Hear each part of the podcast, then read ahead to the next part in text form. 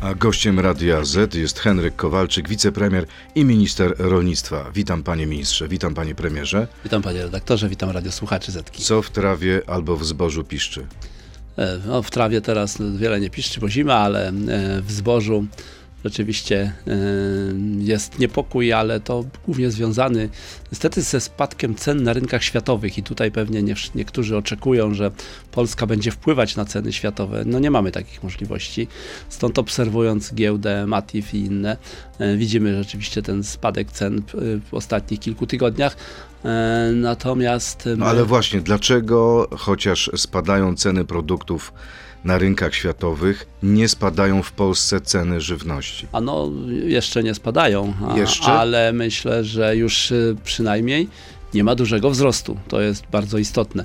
Bo w Ja myślę, że dla bo- tych, którzy przychodzą do cenie- sklepu, to żadne pocieszenie, bo panie w, cenie premierze. żywności, bo w cenie żywności to nie jest tylko cena surowca rolnego, czasami jest to niewielki procent, natomiast bardzo istotną częścią kosztów produkcji żywności jest energia.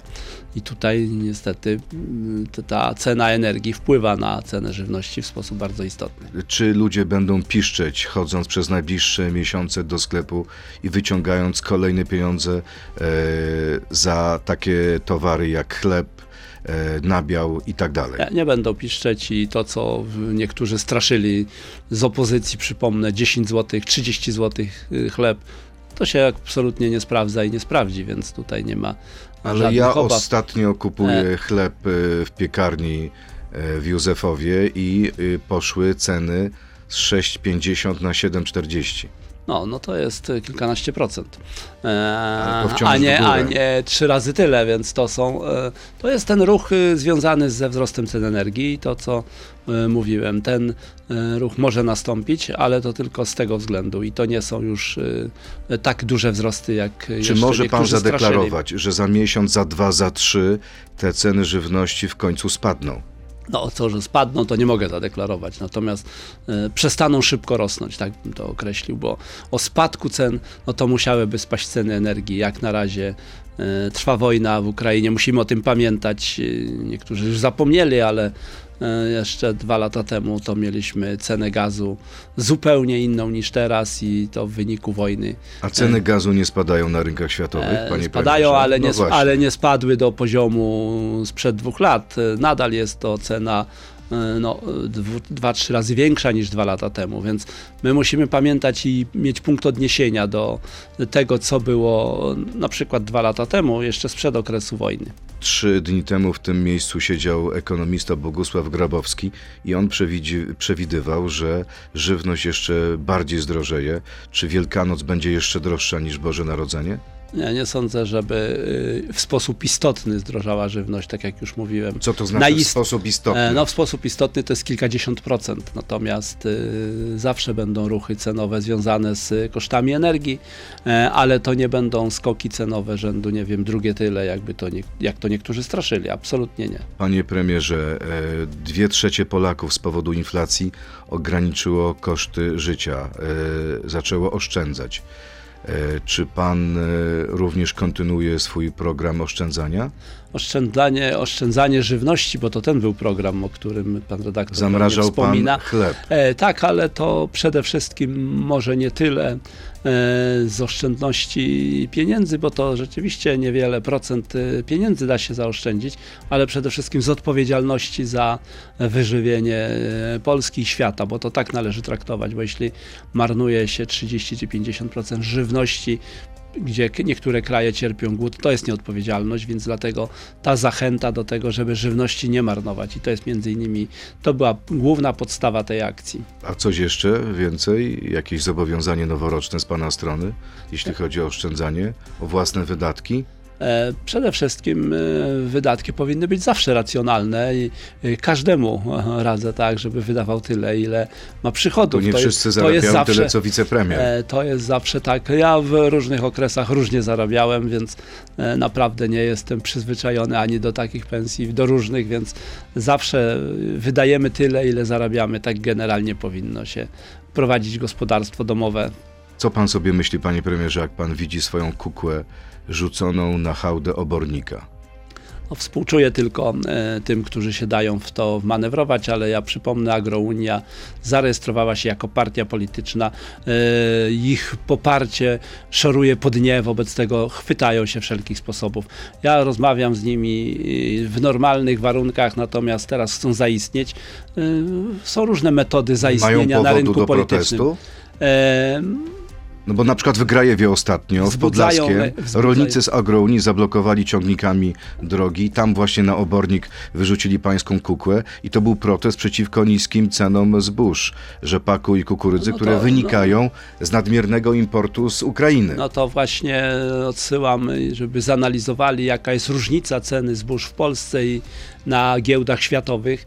Jeśli tak, no to niech protestują przeciwko całej ekonomii światowej. Dlaczego akurat na rynkach światowych cena zboża staniała, zmalała? Nie E, boi się pan kolejnych protestów? e, Są zapowiedziane na kolejne Znaczy e, ja tydzień. oczywiście biorę pod uwagę te protesty, natomiast y, ja rozmawiam z rolnikami bardzo intensywnie, wielokrotnie się spotykałem z różnymi grupami. Ostatnio miałem z, producentami żywności różnego typu i związki branżowe różnego typu. Mnóstwo podziękowań otrzymałem za te działania. Natomiast to, że Agrounia będzie protestować, to jestem przekonany, dlatego że Czyli ci rolnicy z Agrounii są niewdzięczni. Nie, nie są niewdzięczni, chcą osiągnąć cel polityczny. No, Kołodziejczak chce startować w wyborach, panie redaktorze. No jak e, nie ma poparcia, to próbuje zaistnieć. No to jest tylko takie No dobrze, ale to nie tylko Agrounia, dlatego że protestuje chociażby e, Lubelska Izba Rolnicza. Twierdzi, że import kukurydzy z Ukrainy do Polski doprowadził do destabilizacji krajowego rynku. Polska miała być krajem tranzytowym, tymczasem kukurydza ukraińska wjechała do naszego kraju i zalega w magazynach. E, To, że e, zboże z Ukrainy, kukurydza głównie, bo to o kukurydzę głównie chodzi, rzeczywiście jest więcej, no to jest dylemat. E, To jest, my jesteśmy, przypomnę... To jest dylemat, czy to jest problem? Nie, to jest problem, ale my jesteśmy zewnętrzną granicą Unii Europejskiej, więc e, przypomnę tylko choćby, bo bardzo często izby rolnicze są związane z PSL-em. PSL głosował za zniesieniem jakichkolwiek ograniczeń importowych dla Ukrainy na początku wojny i to są teraz te skutki, więc jeśli się takie decyzje podejmuje na forum europejskim, to trudno się dziwić później, że takie będą skutki. Chce pan powiedzieć, że izby rolnicze same sobie są winne, bo E. są e, ekspozyturami PSL-u? Nie, to jest tak, że nie są same sobie winne, tylko e, tak, e, taką decyzję podjęła Unia Europejska. My, jako kraj przygraniczny z Ukrainą, ponosimy częściowo te skutki. I to, Ale ale państwo nie wszyscy powinien podejmowali te interweniować tutaj. Nie powinien tym, tą sprawą zająć się Orlen. Jest taki pomysł, żeby to Orlen skupował kukurydzę i przetwarzał na bioetanol. nie skupi wszystkiej kukurydzy z rynków światowych, a to jest ten element. Oczywiście można ułagodzić różne skutki i takie próby robimy, natomiast y, musimy sobie zdawać sprawę z tego, że nie, Polska nie zmieni cen światowych i to jest, myślę, że każdy powinien to przyjąć do wiadomości i zawsze porównywać, jaka jest różnica między cenami w Polsce i cenami światowymi i te, o tej różnicy dyskutować, a nie o Ale bezwzględnej przyzna pan, że minister rolnictwa Polski odpowiada za to, co dzieje się na terenie Polski. No tak, I tylko powinny my... być pewne działania podjęte. Sytuacja rolników jest dramatyczna. Kukurydza stoi na polach do chwili obecnej, bo w bieżącym roku gospodarczym nie było możliwości jej sprzedaży. Mówią rolnicy z Nie, to Lubelskiego. nie dlatego stoi na polu, że nie było możliwości sprzedaży, więc to, to akurat jest zupełnie inna przyczyna, więc y, y, mówienie o czymś, y, co nie ma związku przyczynowego jest no, A to nie jest tak, że protestuje tylko Agrounia, że protestuje, protestują izby nie, rolnicze? protestuje, nie protestuje Agrounia, panie redaktorze. I zapowiedź różnych akcji protestacyjnych, czy pogotowia, to są zapowiedzi, ale tak naprawdę protestuje Agrounia. Ale Solidarność Rolnicza też domaga się Solidar- z. Solidarnością były rozmowy i mam No nadzieję, właśnie. że te rozmowy wiele wyjaśniły. Dobrze, to teraz pora na krótką piłkę. 13 dzień stycznia i piątek. Jest pan przesądny? Nie, Żadnego czarnego kota pan się nie boi. nie, nie boję się. Tym bardziej tłustego kota. E, Tym bardziej tłustego, Ponoć sporo żadnego. tłustych kotów tam wokół was w tej chwili. No To, to jest takie potoczne pojęcie. Dobrze, e, cieszę się wielkim zaufaniem prezesa Kaczyńskiego. Mógłbym nawet zostać szefem rządu. Tak czy nie? Cieszę się zaufaniem, ale szefem rządu nie chciałbym być. Jeśli unijne pieniądze na KPO nie trafią do Polski, to ludzie na wsi nas pogonią. Tak czy nie?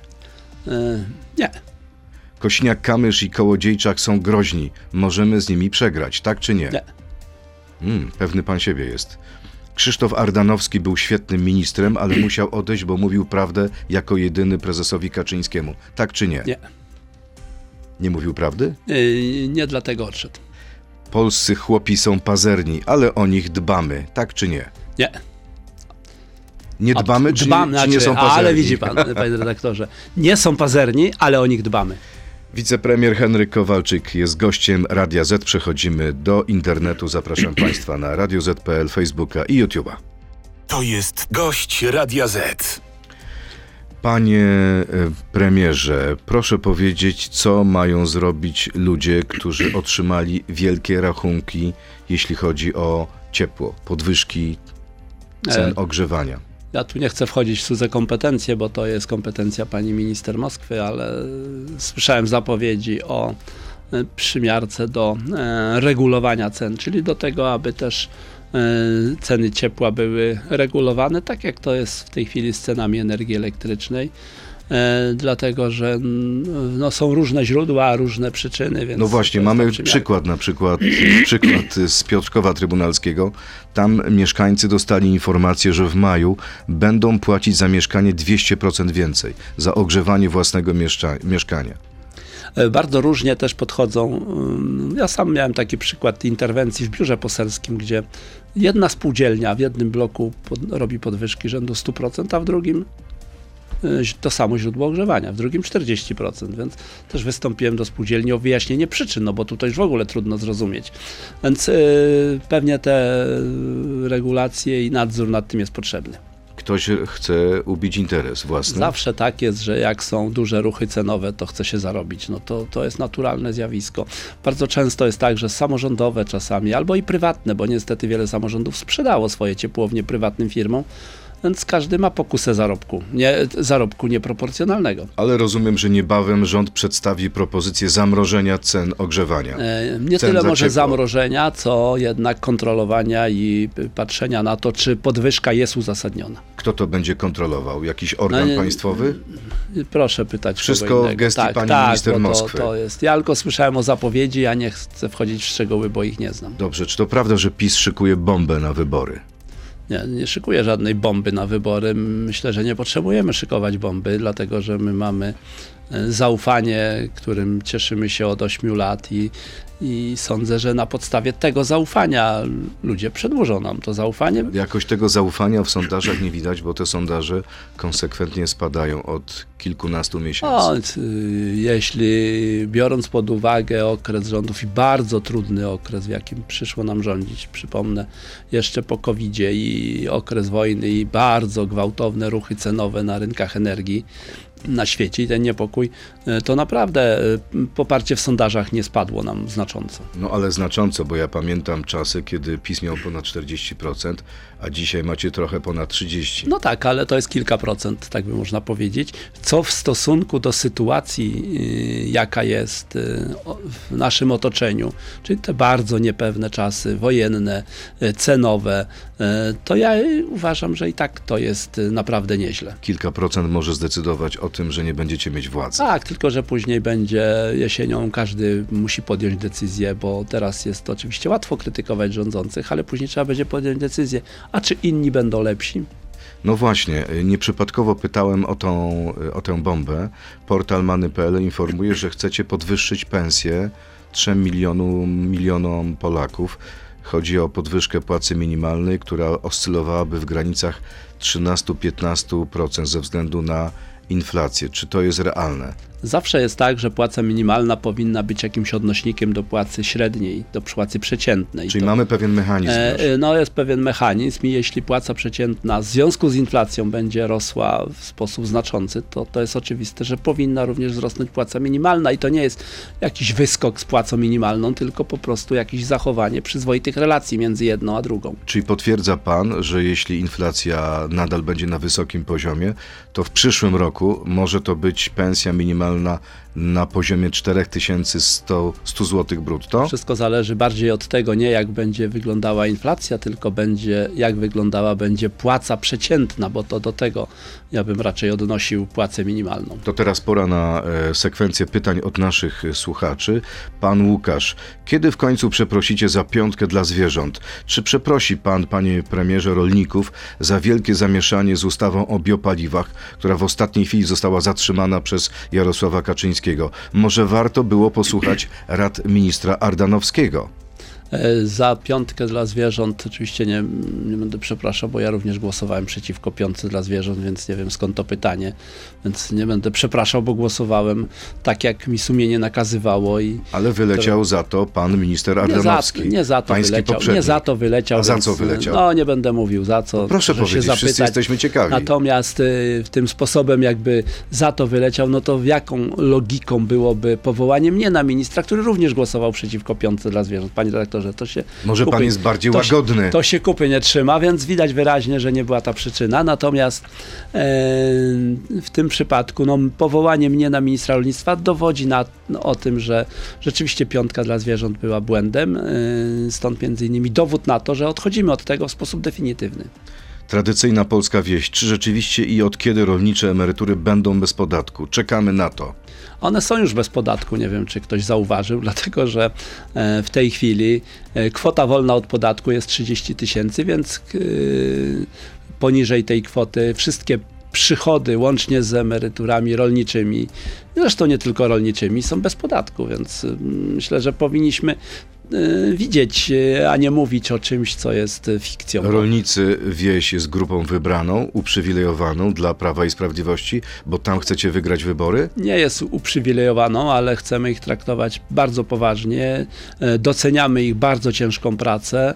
E, Między innymi stąd e, też jest teraz reforma emerytalna, jeśli chodzi o waloryzację, czy nadrabiamy tą niesprawiedliwość, która była. Natomiast nie traktujemy jako uprzywilejowaną grupę, ale rzeczywiście troszczymy się o rolników, bo praca rolnika jest bardzo ciężka, to jest 7 dni w tygodniu, bez świąt e, i rzeczywiście tutaj należy się i szacunek, i docenienie finansowe. Proponujecie takie zmiany w kodeksie wyborczym. Chcecie, żeby część mieszkańców była dowożona do lokali wyborczych, tak? E, To jest troska o frekwencję i myślę, że każda, e, każdy, każdy sposób podniesienia frekwencji jest dobry. Ale wie pan, że nie ma przepisu mówiącego o tym, że trzeba ich odwieźć. E, No, To jak mają wrócić? Ale to jest oczywiste, że jak ktoś przywiezie, to i odwiezie. No, panie redaktorze, Tak? to, e, to jest dość, e, dość oczywiste i logiczne. Pani Maria Przepiórkowska, po ile będą nawozy w tym roku? Skąd importujemy? Jakieś programy dopłat czy ograniczenie stosowania? Nie, nawozy raczej będą regulacje i, i próba ograniczenia cen e, na wyjściu z fabryki.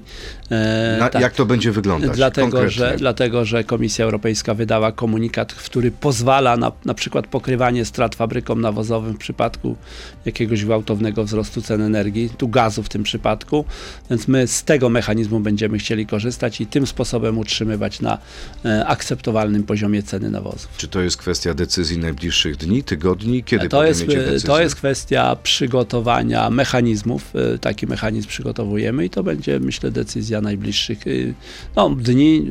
To jest y, dwa, lutym? dwa tygodnie mniej więcej. To jest taki okres czasowy, y, w którym powinny być Pytanie jakieś pana. Roberta Felusia.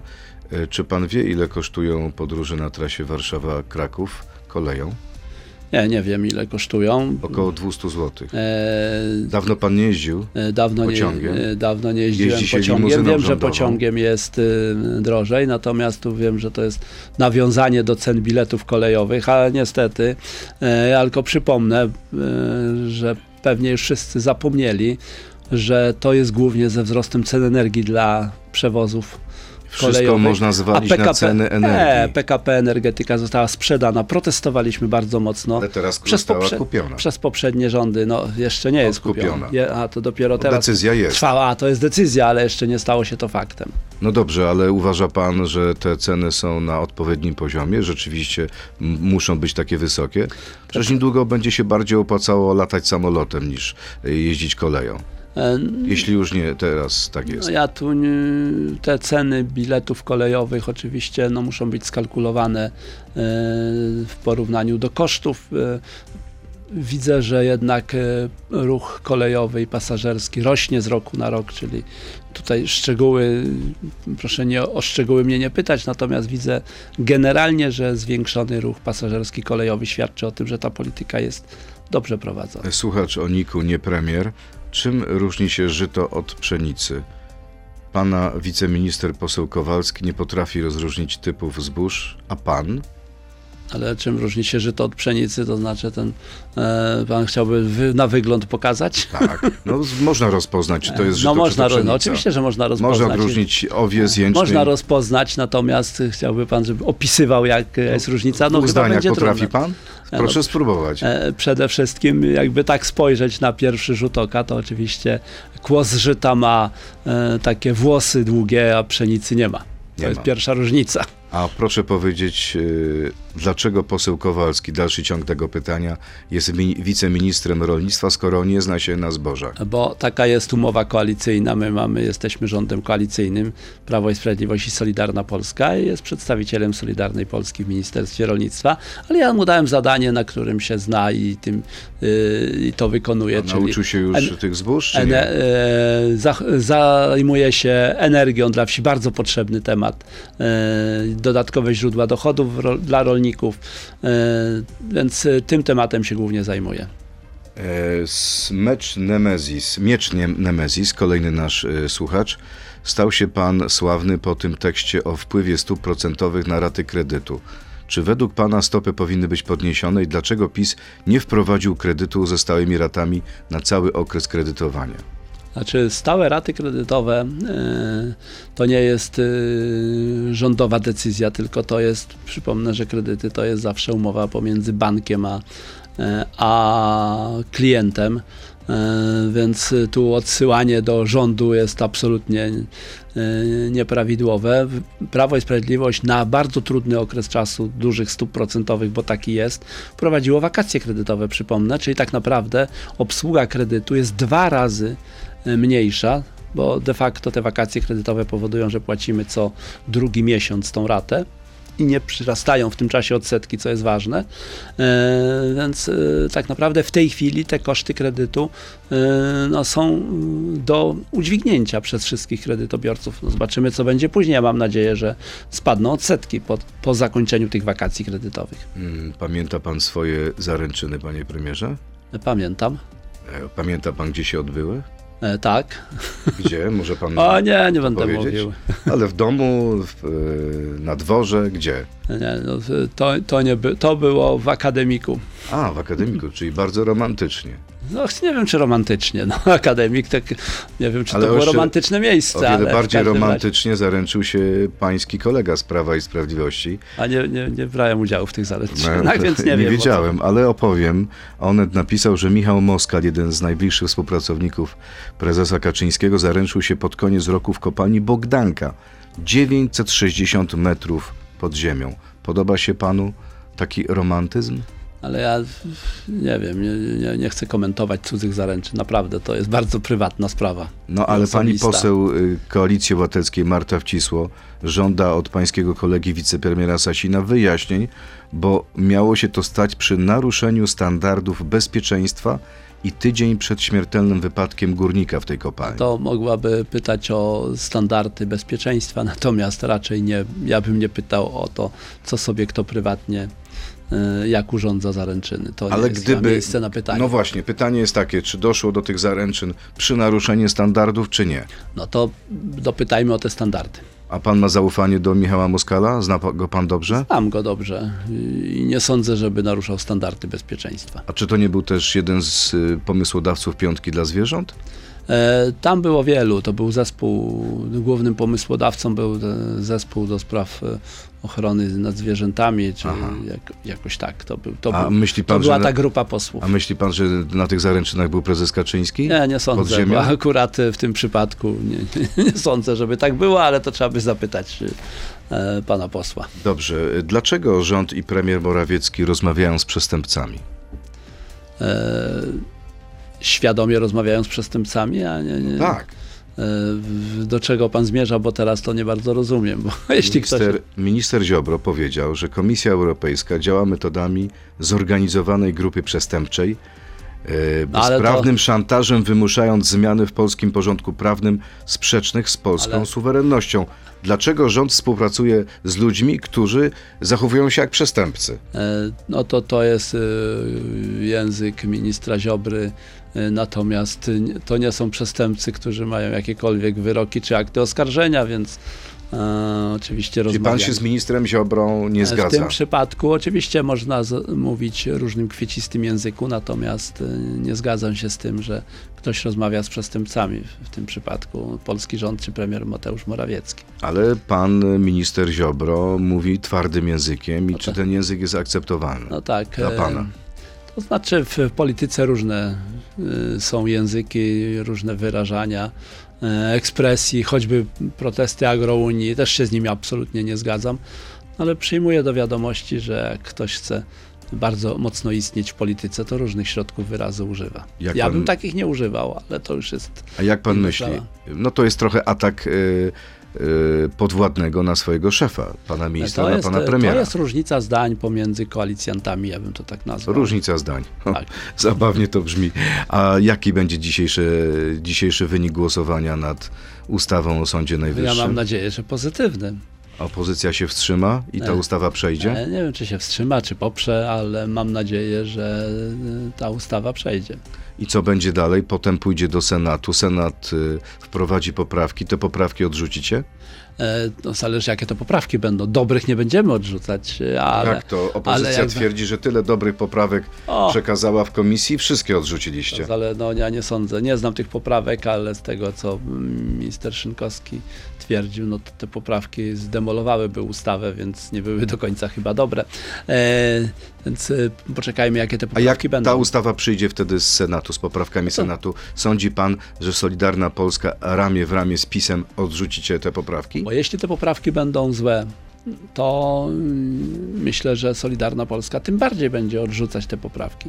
Te gorsze poprawki opozycji. Więc Czyli de tutaj- facto Solidarna Polska, mimo tego, że werbalnie jest jest de- przeciwko tej ustawie, poprze tą ustawę. No nie, nie, nie poprze, dlatego że to jest zupełnie inaczej wygląda sytuacja poprawek, bo można ustawy nie popierać w całości, ale nie głosując przeciwko gorszym poprawkom niż ustawa, zepsuć jeszcze bardziej, więc tu się podejmuje decyzję przy każdym elemencie, przy każdej poprawce oddzielnie. To nie jest tak, że, że głosowanie za odrzuceniem jakichś poprawek oznacza na przykład odrzucenie lub poparcie całej ustawy. Tak Ale sądzi pan, że będzie większość dla tej ustawy?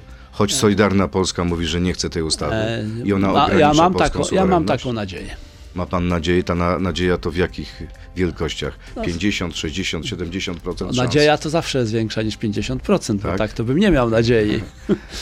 Dobrze, to ale myślałem, że ma pan pewność. Na pewności w y, parlamencie nigdy nie ma pani. A co się stanie, jeśli te pieniądze nie trafią e, do Polski, jeśli nie będzie transferu miliardów unijnych? Jaki, jakie to będzie miało konsekwencje dla polskich rolników? W tym przypadku oczywiście y, te pieniądze, które są w KPO, między innymi dla polskich rolników, to jest rząd kilku miliardów. E, My i takie będziemy realizować, bo już nabory zostały dokonane. A jak będziecie wypłaty. je realizować? Skąd Będzie będą te pieniądze? Z y, budżetu, znaczy z budżetu, z y, PFR-u, czyli z krajowych środków finansowych. Myśmy już bardzo dużo środków finansowych krajowych przeznaczyli, choćby na walkę z COVID-em, na e, przeciwdziałanie kryzysowi w czasie wojny, na pomoc e, No to skoro są te pieniądze w, w polskich zasobach, to po A. co brać te pieniądze Nie, z no, Unii? ale to, to jest tak, że każde pieniądze się przydają, co, ale nie znaczy, że bez tych pieniędzy umrzemy, panie redaktorze. E, Umrzeć rzeczywiście No rolnicy nie, nie umrą, Nie, ale- ale coś stracą, tak? E, Nie, rolnicy nie stracą. Kto Rolnicy nie- straci? ro, e, straci budżet państwa i ileś tam pieniędzy, natomiast i tak w znacznej części z budżetu krajowego głównie przetrwaliśmy suchą nogą COVID. E, okres wojny, ta ogromna pomoc covidowa dla przedsiębiorców, ja przypomnę, ratowanie miejsc pracy, to jest blisko 100 miliardów złotych, fundusze inwestycji strategicznych dla samorządów, pokowidowe i teraz wojenne, to są też kilkadziesiąt, właściwie około 60 miliardów złotych. To są te pieniądze, które szły z części krajowej, więc widać bardzo wyraźnie, że nie jest to tak, że wisimy e, i jesteśmy absolutnie uzależnieni w 100% od tego, ale każde, każdy pieniądz się przydaje, to jest oczywiste. Władysław Kosiniak-Kamysz i Michał Kołodziejczak to są rywale, których należy się bać? E, nie Nie sądzę. mogą namieszać? E, Nie sądzę. Jeśli, no, jeśli, jeśli będą razem startować, no to oczywiście jakaś tam szansa, że PSL przekroczy próg, może się zwiększa. Ma pan A- wątpliwości do tego, czy PSL przekroczy próg? E, No w tej sytuacji miałbym wątpliwości, czy przekroczy. Natomiast jeśli połączą siły, to może te szanse rosną albo maleją, nie wiem. Nie wiem, jak na przykład wyborcy PSL-u odbiorą na ich listach Kołodziejczaka, więc to, to jest bardzo trudno to Myśli przewidywać. pan, że ma jakiś elektorat negatywny wśród wyborców PSL-u? E, Kołodziejczak? Tak. No i to zdecydowanie. A dlaczego? Na No jakiej ja jest podstawie pan spoty- tak A na, spo, na podstawie spotkań, które dokonuję z rolnikami, ja bardzo dużo, panie redaktorze, jeżdżę, spotykam się z rolnikami, ja myślę, że już y, w listopadzie, grudniu to tak jak przeliczyłem, to może spotkałem się na tych różnych spotkaniach 3-4 tysiące rolników. I co, i wszyscy E, ci, nie, którzy i- są w PSL-u mówią, nie lubimy Kołodziejczaka? Nie, nie to nie, że nie lubimy, ale krytykują jego zachowania, więc to, to jednoznacznie to wynika. A może, żeby E. być zauważonym, trzeba być radykalnym? E, więc e, tak, no to jest, to jest e, metoda Kołodziejczaka na zaistnienie, natomiast nie wiem, czy ona będzie skuteczna, nie sądzę, ale każdy wybiera sobie swoje metody po to, żeby zaistnieć w polityce. Bardzo dziękuję. Henryk Kowalczyk, wicepremier i minister rolnictwa, był gościem Radia Z. Dziękuję panie premierze. Dziękuję bardzo. To był gość Radia Z. Słuchaj codziennie w Radio Z i na player radioz.pl.